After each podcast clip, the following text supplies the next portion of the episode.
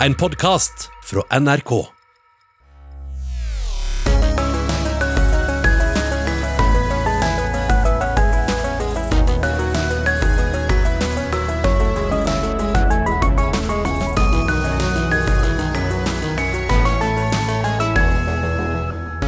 Hun lever av å hjelpe gjeldsoffer ut av den økonomiske hengemyra, og ser hva problem folk har fått etter koronakrisa. Han har som jobb å hjelpe næringslivet på beina igjen med enorme krisepakker. Ser han hva som har ført folk ut i gjeldskrise? Finansrådgiver Bente Olafsen og finansminister Jan Tore Sanner er dagens gjester i campingstolen.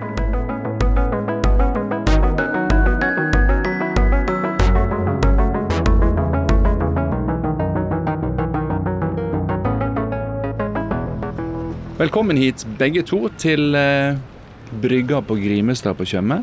Takk. Dere er jo to av de mange mange feriegjestene her på øyene på Tjøme og Hvasser som ligger rett sør. Og du kom altså hit, eh, Bente Olafsen, på en svær Harley Davidson. Ja. Jeg er en ivrig Harley Davidson-dame. Neste år så skal vi av gårde 21 jenter og kjøre Route 66. Du spøka tidligere da vi snakka på telefonen at du jammen skulle invitere Jan Tore Sanner opp på sykkelen og, og koste av gårde langs veiene her borte. Hadde du eh, steget opp på Harleyen til Bente, Jan Tore?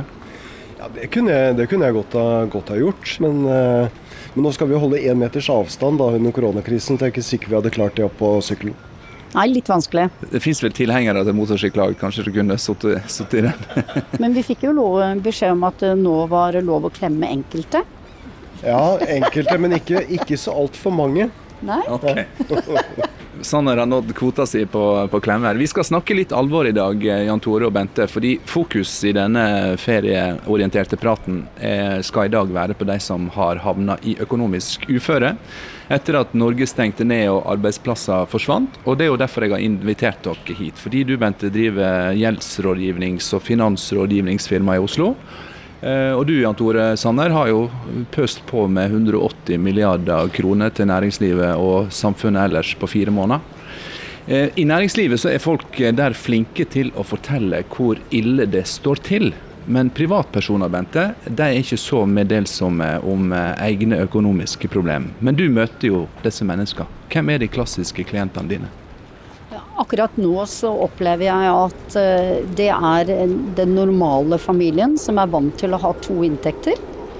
Og eh, har jo veldig ofte lagt livet sitt i den lesten, og nå har de kanskje 66% lønn.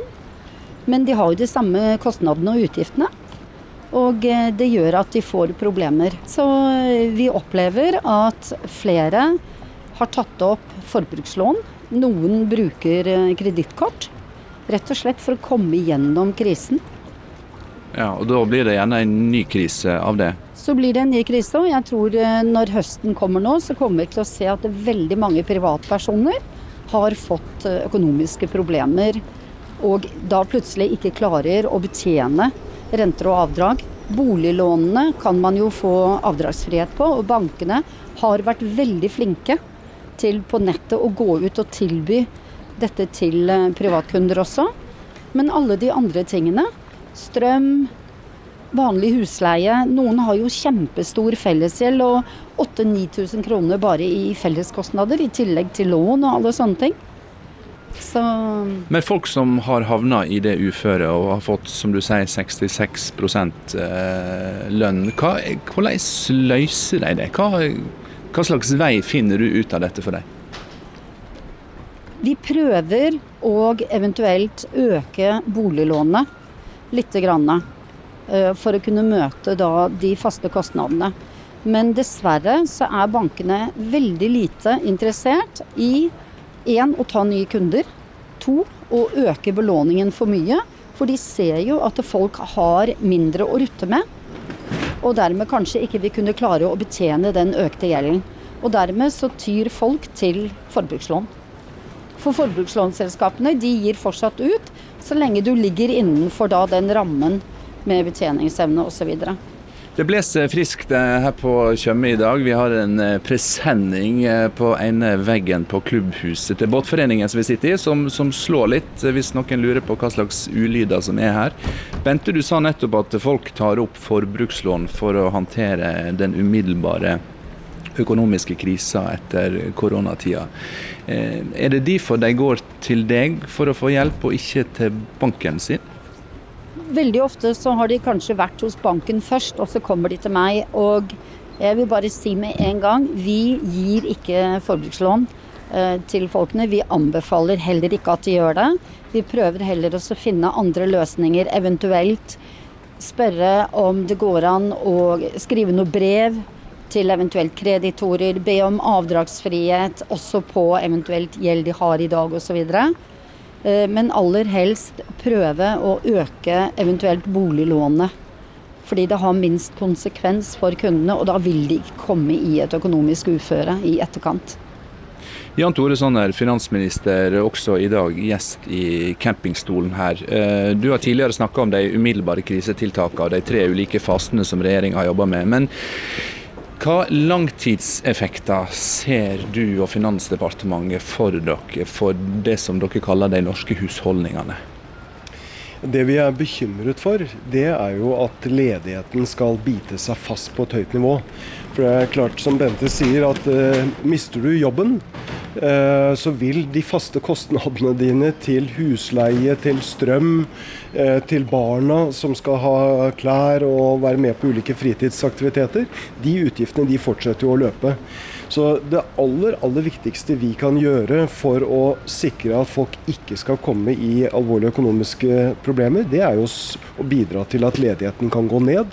Og det ser vi jo heldigvis nå, at det er færre permitterte, det er flere som kommer tilbake i jobb. Men så vet vi at før krisen så var allerede norske husholdninger hadde de høy gjeld. Eh, og selv om forbruksgjelden har gått noe ned nå den senere tid, så er det mange som har en komplisert økonomi med kredittkort, forbrukslån eh, og et høyt forbruk, som gjør at, eh, at de til slutt kommer i store problemer. Ja, for Det har du snakket om tidligere, Bente. At problemet her er jo ikke bare koronakrisa og, og de følgene den har fått. Problemet er at folk, mange har over tid hatt et for høyt forbruk. Mm. Det har vært altfor lett å få forbrukslån. Et av problemene er jo f.eks. bankene. De gir deg forbrukslån, de gir deg kredittkort, de gir deg boliglån, de gir deg masse. Når du da kommer til banken, tilbake til samme banken for å prøve å finansiere eller refinansiere det, så vil de ikke refinansiere det.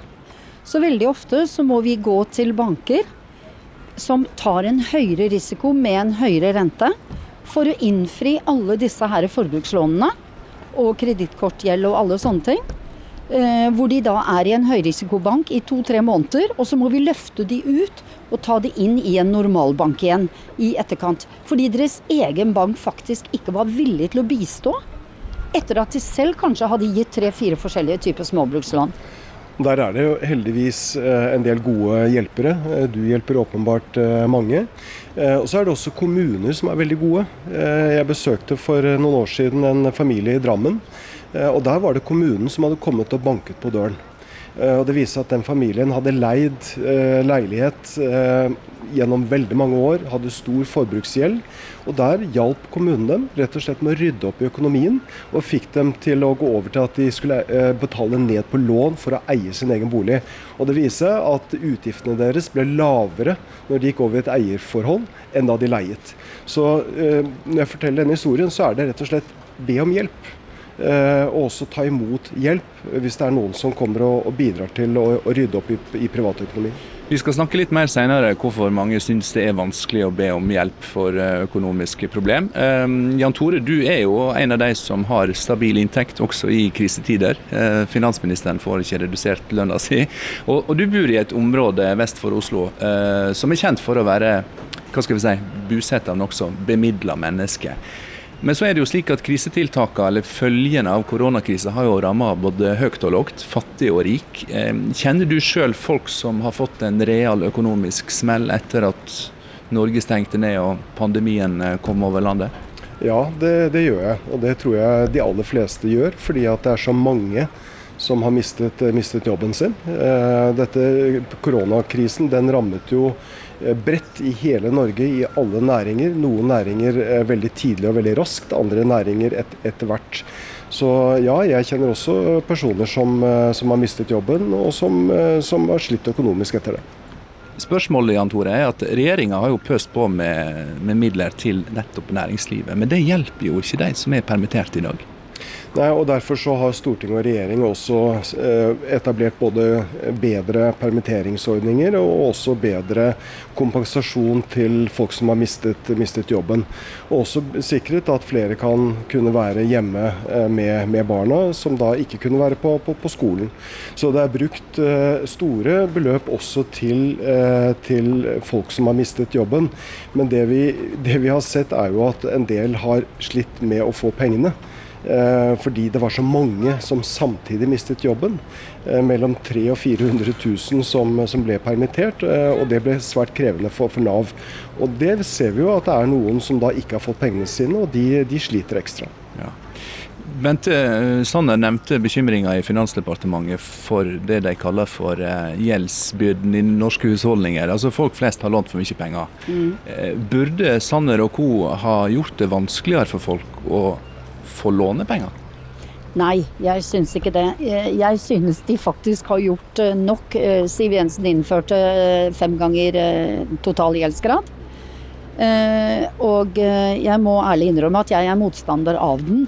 Hvorfor det? Jo, jeg skal fortelle hvorfor. For de fem ganger regelen treffer, er jo de unge. Det er de nyetablerte, nyutdannede leger, siviløkonomer, snekkere, som har tatt opp studielån, og som kanskje har et billån. Og hvis du bor i Oslo, eller i fem mils omkrets av Oslo, så er det fryktelig dyrt å kjøpe til og med en liten toroms leilighet. Og når du da har fem ganger i gjeldsgrad Det betyr altså, for de som ikke henger med, at en kun får, kun, en får låne eh, et beløp som tilsvarer fem ganger bruttoinntekt per år? Og det er total gjeld. Det er inkludert studielånet ditt. 500 000 i studielån i dag er jo ganske vanlig etter fem år. Og eh, det betyr at eh, de får ikke kjøpt en toroms leilighet engang. Jeg tør påstå at 75% av jobben min er å bistå folk som førstegangskjøpere og andregangskjøpere. Og førstegangskjøperne i dag de tjener ikke nok. De har en altså, snittlønn på en siviløkonom f.eks. Førstegangslønn er ca. 450 000-470 000. Og hvis du da har 500 000 i fellesgjeld, begge ektefeller, så får du kanskje låne halvannen million, maks to. Det er et veldig dilemma, vanskelig dilemma det der. fordi at uh, Du har helt rett i at en del unge har problemer med å, å få lånt penger så de kan kjøpe seg en leilighet. Eh, samtidig så vet vi også at hvis det er lett å få tilgang på, på mye penger, eh, og låne penger, eh, så vil de også drive boligprisen oppover. Men nettopp fordi vi ser at en del unge vil ha utfordringer nå under koronakrisen, så myket jeg opp denne, denne boliglånsforskriften i, allerede i mars-april. Eh, og det kommer til å vare utover høsten. Og Det var for å gjøre det noe enklere.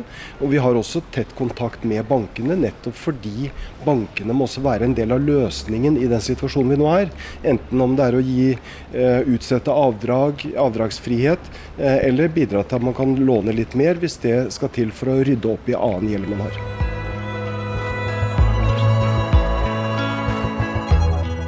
Du hører på To i campingstol på NRK P2. Dagens tema er det økonomiske uføret mange har havna i etter koronakrisa. Gjester i campingstolen i dag er finansrådgiver Bente Olafsen og finansminister Jan Tore Sanner.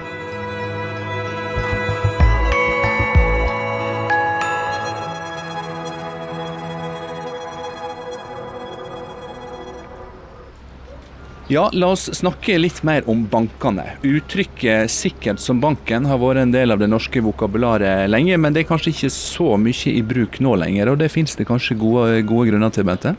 Ja, de fleste bankene i dag, det spiller ikke så stor rolle om du har et eh, forhold til banken din slik du hadde før. Eh, for 20 år siden så kunne du være en fast kunde i banken, og du kunne gå i banken og du fikk hjelp. Og de kjente familien, de kjente tante, onkler og besteforeldre og hele den gjengen der, så, så de var mye mer fleksible. Per i dag, og særlig da i storbyene, så forholder de seg til et regelverk og er veldig lite fleksible. Og det, det er ikke like bra. Nei. Når du hjelper folk som har eh, vanskelig økonomi eller stor gjeld, så sier du at eh, du og dine folk av og til tropper opp i banken for å forhandle for deg, bl.a. om eh, gjeldsordninger. Mm. Hva møter deg der, da? Hva er holdninger og reaksjoner for dere da? I enkelte banker så er de ikke veldig glad faktisk for at vi kommer. De eh, ønsker å ta hånd om kunden selv. Men ofte så har jo kunden kanskje vært i banken før de kommer til meg. Og hvor vi da må eventuelt gå til andre banker som er mer mottakelige. Men er det mye forbrukslån og eh, kredittkort, så er det de mer risikofylte bankene som vi må gå til. Og de har en høyere rente og høyere etablering, men da får i alle fall kunden ryddet opp. Og eh, hvis man da tar avdragsfrihet i en periode på et par måneder, så kan vi løfte de ut i Norbarbank i etterkant. Men eh, er ikke, bankene er ikke like velvillige til å bistå kunden i å rydde opp etter de selv har gitt masse lån lar vi oss lure litt av at eh, selgeren i banken eh, har tittel kunderådgiver? Ja. Eh, ikke glem at eh, bankmannen er en selger for egne produkter. Og de gir ikke nødvendigvis de eh, mest objektive rådene, da. DNB sitter ikke og selger Nordeas eh, produkter, da, for å si det sånn når folk kommer til oss, så er jo vi helt objektive, for vi er Kunden betaler for våre tjenester, det er ikke banken. Og dermed så kan vi være objektive i markedet og gå til den banken som vi mener passer best for denne kunden i forhold til økonomi, i forhold til hvor de bor, i forhold til type lån de trenger osv. osv. Jan Tore Sanner, eh, det er jo ikke slik at bankene driver veldedighet. De skal jo tjene penger, de òg. Og så hører vi Bente si at for å få til en gjeldsordning, så er en avhengig av å ha fast eiendom. Og så er jo det store paradokset at det er nettopp eh, ønsket om fast eiendom som har ført til at folk har tatt opp store lån. Er ikke det egentlig et stort paradoks i hele denne hva skal vi si, den litt sånn typiske modellen i Norge, at alle skal eie huset de bor i? Jeg mener at det er eh, en viktig verdi i Norge at eh, folk eier sin egen, egen bolig. Eh, enten om det er et rekkehus eller om det er en leilighet. Når folk kommer inn i boligmarkedet, bygger opp en egenkapital, eier sin egen bolig, så tar man også godt vare på, på eh, bomiljøet. Så er det jo slik at i ulike faser så har man behov for leie. Eh, og er, jeg har selv leid i flere år og hadde stor glede av det, den friheten det, det ga. Eh, men, eh, men, den grunntanken i Norge at flest mulig skal ha muligheten, skal ha muligheten til å eie, det syns jeg er veldig fint å ta vare på.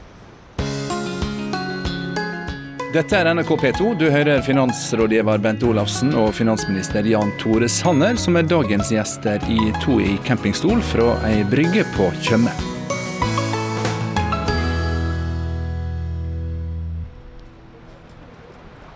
Folk har uh, ulikt uh, forhold til penger. Noen bruker det de har, og vel så det. Andre er flinke til å prute, spare og investere.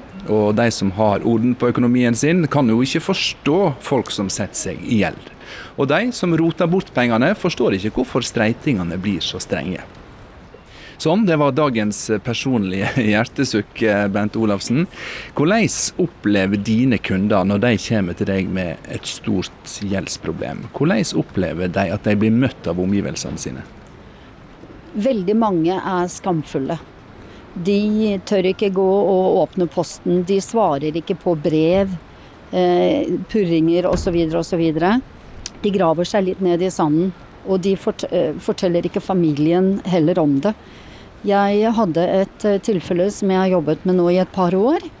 En ung jente eh, hadde kommet med basillen med spillegalskap. Og eh, hadde faktisk spilt bort nesten to millioner kroner. Samboeren visste ingenting, familien visste ingenting. Og eh, måten hun kunne gjøre det på, det var jo Dette er før gjeldsregisteret kom. Så det er fantastisk fint at dere har innført det.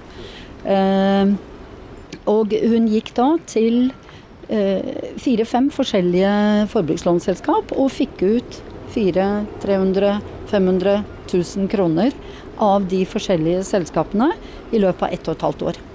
Til slutt så gikk jo ikke dette, og det var jo inkassor og alle slike ting. Og eh, jeg endte opp med eh, å prøve å kontakte politiet, altså namsmannen, for å få til en gjeldsordning. Men gjelden hennes var eh, for ung til at man kunne få noe bistand. Så hun fikk jo da massevis av inkassoer osv. osv. Og så videre. Og jeg snakket med de forskjellige instansene for å prøve å få til noe. Og med foreldre osv. som ikke kunne stille bolig, eh, så gikk det ikke. Og vi ventet da i to år eh, til at gjelden hadde blitt litt eldre, hvor da eh, offentlig gjeldssanering kom på plass. Og med fem års nedbetalingstid. Dette er jo, som du forteller, en veldig tøff jente òg.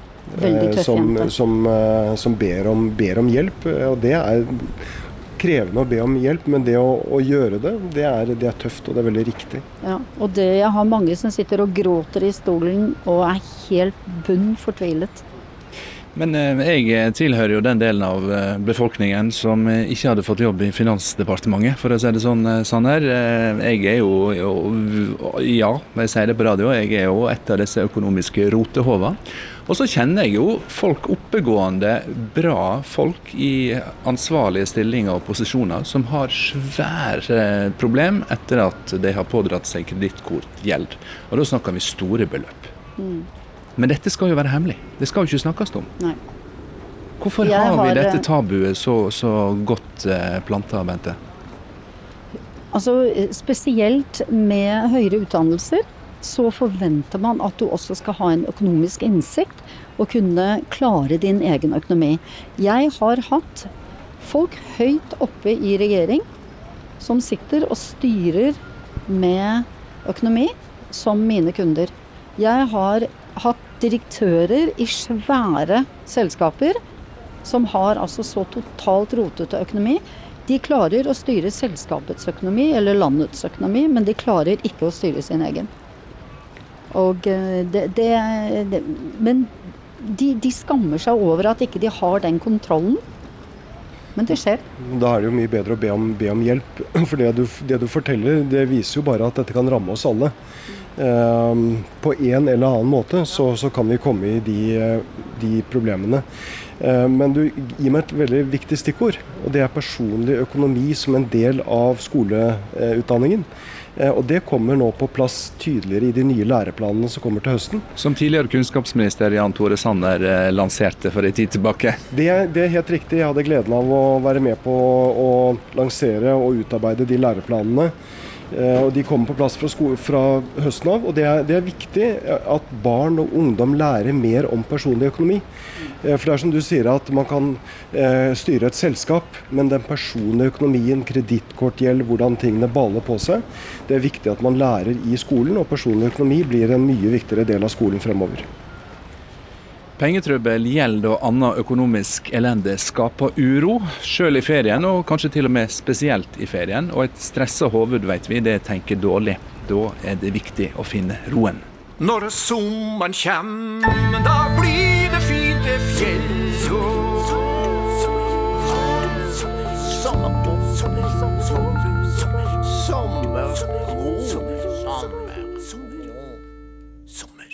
Hei, campingstolen. Det her er Henning Sommerro. Jeg lurer på hvordan du finner sommerroen?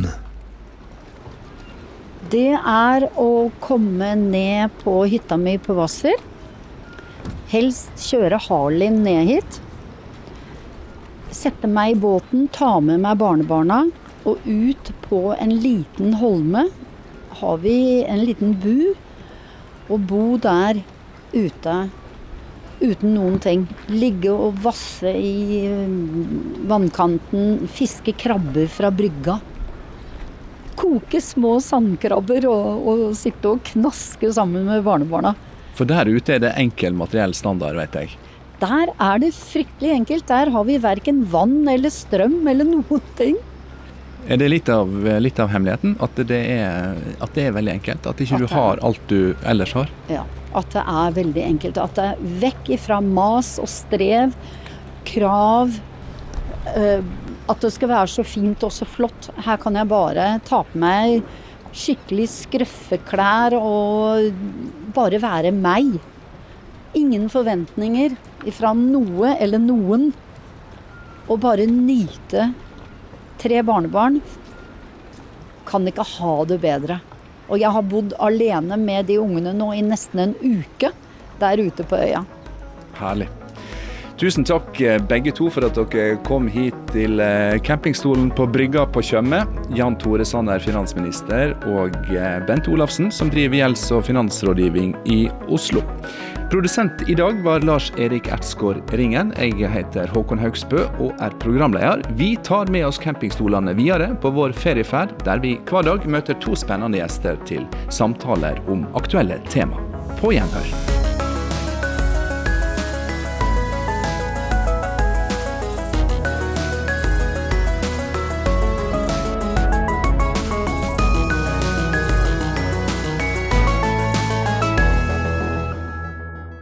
Du har hørt en podkast fra NRK. Hør flere podkaster og din favorittkanal i appen NRK Radio.